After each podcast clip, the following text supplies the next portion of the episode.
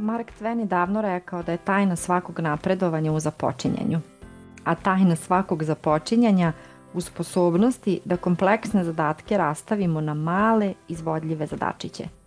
E onda nam samo preostaje da počnemo sa prvim.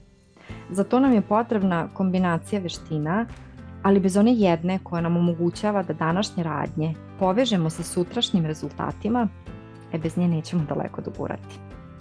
Ta jedna veština zove se samodisciplina i nema baš nikakve veze sa veštačkim forsiranjem da uradiš nešto što ti se ne radi, kada ti se ne radi, samo da bi ostvarila postavljene ciljeve ili završila neki zadatak.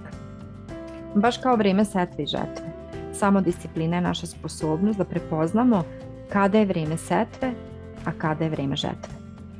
Dobrodošla u još jednu podcast epizodu u kojoj pričamo i razmišljamo na temu samodiscipline. Svaka psihološka teorija priznaje da se čovek sastoji iz nekoliko različitih identiteta. Ja nisam psiholog niti terapeut, ali čvrsto verujem da u biznisu svako od nas vremenom postane barem malo ova uloga. Jer na kraju krajeva naše kolege su ljudi, naši klijenti su ljudi, naši saradnici, mentori, rukovodioci, partneri. I ako ne znamo baš ništa o ljudima, ne znamo onda ama baš ništa ni o biznisu. Iz ugla trenera za razvoj timova i osnaživanje timskog duha i nekog ko se bavi poboljšanjem poslovnih procesa, za mene je rad u multidisciplinarnim timovima i raznolikost uloga koje se mogu naći u agilnim timovima zapravo izvor inspiracije i učenja. O ljudima najpre.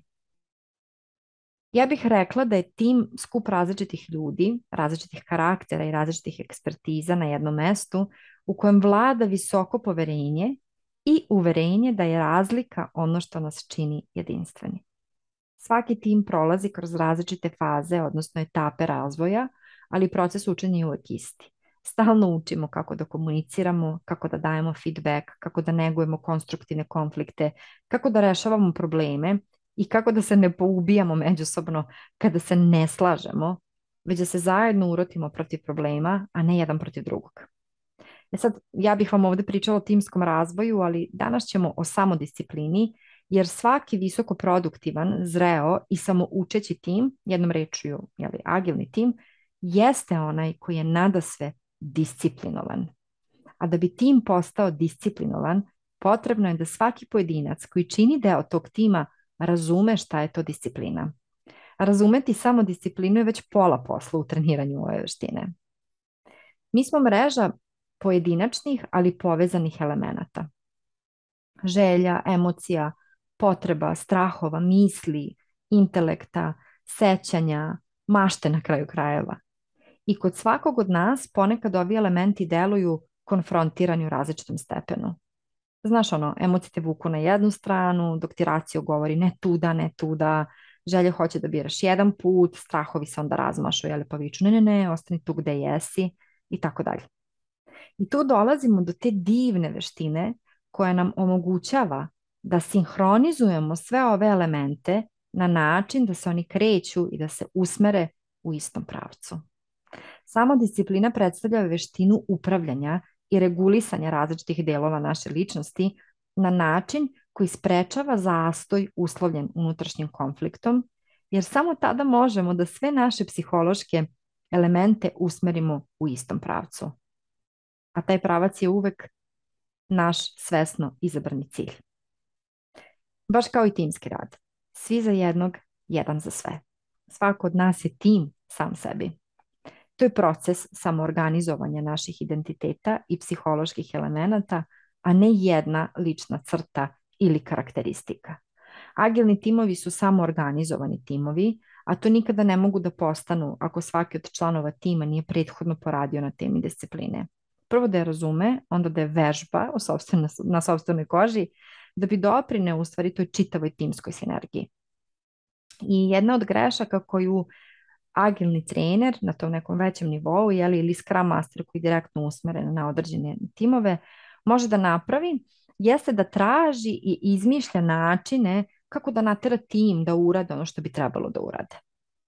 A ista stvar je u stvari problem i kod samodiscipline. Jer ključno pitanje nikada nije kako da nateram sebe da uradim ono što bi trebala da uradim, već je ključno pitanje kako mogu da uverim sebe da uradim nešto što jedan deo mene ne želi.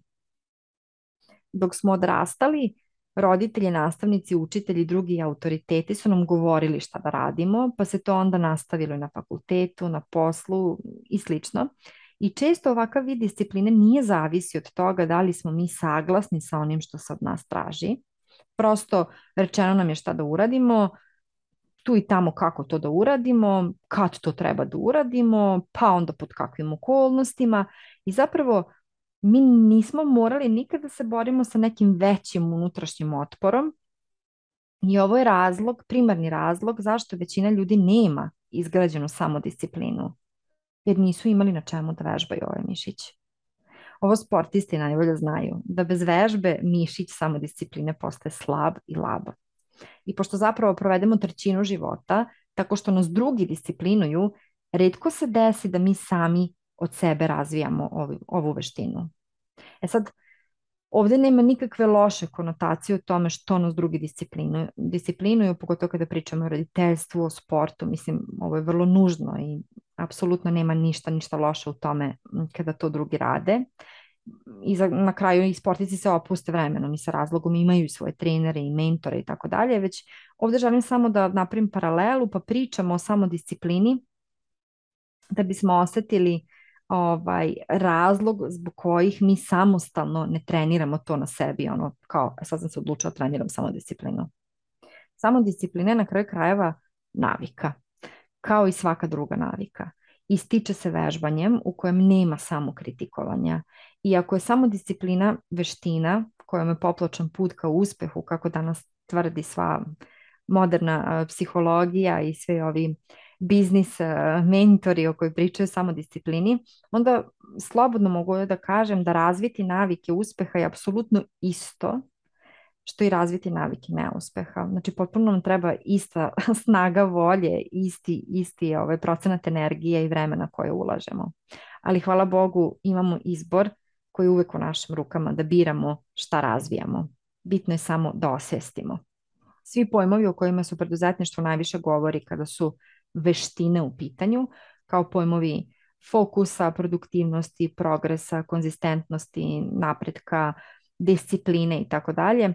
Svi su oni zapravo međusobno prepleteni i ne postoje kao, hajde da kažem, kao odvojen zaseban entitet. Znači vi trenirate jedno, a samim tim dolaze i neke druge veštine do izražaja. Bukvalno ne možete kao, sa, e sad kao treniramo samo disciplinu, sad treniram produktivnost, sad treniram Ne, to je potpuno sve isprepleteno i sve nekako uzročno posledične veze. Disciplina u biznisu, ali generalno u životu, mislim, prosto sve možete ovde primeniti kao životni savet, nije moguće izgraditi, a kamoli održati ako nemamo jasnu ideju šta tačno hoćemo da postignemo. I zato u biznisu mnogo pričamo o postavljanju ciljeva, o planiranju, o organizovanju, o optimizovanju, jer sve je to nešto što nas, naš proces čini zdravim. Svi mi u biznisu želimo slobodu, kako god okrenemo. Zarada, profit, novac i ostalo ipak ne može da bude uvek najvažniji željeni ishod koji želimo ako za taj isti profit plaćamo previsoku cenu. Jer koliko vredi sloboda u biznisu? Na kraju krajeva novac koji generišemo, verujem da nam ne treba ako smo postali robovi sobstvenog biznisa. E, disciplina je veština koja se izjednačava u ovom slučaju sa slobodom. Ipak većina ljudi dalje veruje da disciplina znači biti strog prema sebi, označava neko ograničenje, restrikcije ili neke sankcije, ono da ne kažem kaznu, a zapravo istina je da je samo disciplina znak naše unutrašnje snage, da mi možemo kontrolisati svoje postupke i svoje reakcije. To je ono što nas drži kada se suočimo sa teškim momentima u biznisu. Daje nam moć da se držimo odluka koje smo donele. Da se ne predomišljamo svako malo, hoću, neću. Jer su to prvi znaci, rani simptomi da mi u stvari ne razumemo sobstvene ciljeve. U poslu, baš kao i u životu, bit će grešaka, bit će razočarenja, bit će umora, bit će pauza, bit će velikih, malih, teških odluka. I baš kao odmor, kada se umoriš, ti naučiš da se odmoriš, a ne da odustaneš. Tako i samo disciplina. Ona je uvek vezana za naš veliki cilj, nameru koju smo postavili, trag koji želimo vlastitim biznisom da ostavimo za sobom, vrednosti, vezane za vrednosti, vrednosti na kraju krajeva. U tom slučaju mi imamo na čemu da vežbamo disciplinu, jer samo disciplina se vežba na stvarima koje su nama važne, a iza te važnosti stoji naše vlastito razumevanje naših vrednosti. To je ono kada se pitaju zašto je meni to važno, zašto ti je to važno. I ja bih ovde rekla da je samo disciplinovana preduzetnica, iako ovo zvuči kao samo disciplinovana preduzetnica, malo mi kruto to zvuči, ali zapravo da je to neko ko je majstor svog strpljenja. Znači vidjeti širu sliku, radovati se uvijek toj široj slici i biti sposoban da se odbaci iskušenja, ti neki instant užici, um, nagrade, trendovi koji iskaču svako malo kao opasno zanimljiva distrakcija. Prosto to je žena koja zna da mali koraci koji na izgled danas ništa ne vrede, prave ogromnu razliku kada se dovoljan broj puta ponove. Jer dok ponavljamo određene korake i sprovodimo određene akcije snagom discipline, mi prikupljamo dokaze da je za nas i za naš biznis i tekako sve moguće. I svaki korak koji smo odlučile da ponovimo danas, pa da to isto uradimo sutra, postaje žeton koji ulažemo u sebe, ono kao džuboks. Uložite jedan žeton, dobijete dva. Uložite dva, dobijete šest. Uložite šest, dobijete 36. Znači sve što uložite u sebe, to se trostruko vraća. I uvek se vraća, uvek i nepogrešivo, tu nema gubitka. Biće slobodno da kažem da pored toga što je disciplina navika, praksa i veština, disciplina je zapravo i filozofija i način na koji upravljate svojim biznisom i svojim životom. To je vera koju imate u viziju, u misiju vašeg biznisa i ono što vas razdvaja od sanjara koji dalje samo sanja dok vi na svojim snovima aktivno radite.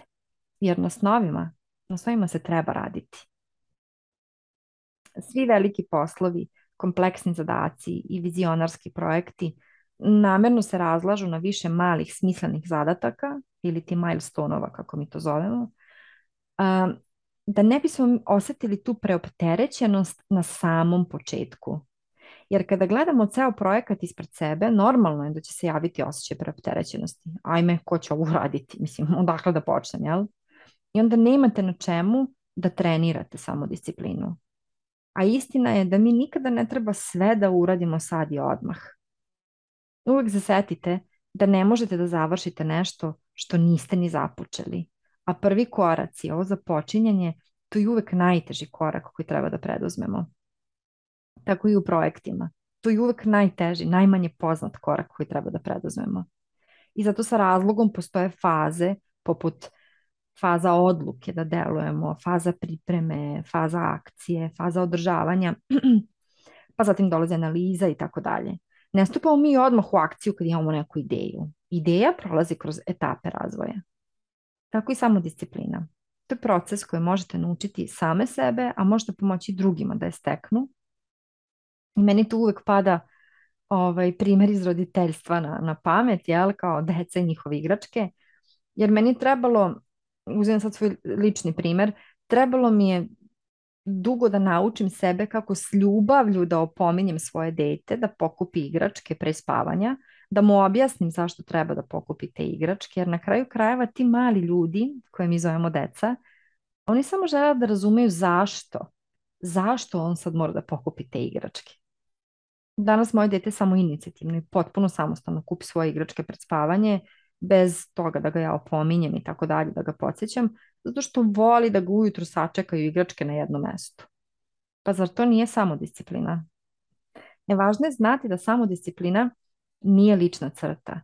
To kada neko kaže za sebe, joj, ja sam tako nedisciplinovana ili ja sam baš jako disciplinovana. To je veština i zato kažemo da mi koristimo veštinu discipline, a ne da jesmo ili nismo, znači da je vezujemo za identitet. I ovde želim da vas podsjetim da su zapravo sve velike stvari na ovom svetu začete iz malih početaka. Seme svake navike i nove veštine je samo jedna malena odluka koju želimo da ponovimo opet i opet i opet. I kada je ponovimo dovoljno puta, baš kao i seme, nova navika proklija i vremenom jača. Koreni se rasplamsaju duboko u zemlju, a grane bujaju.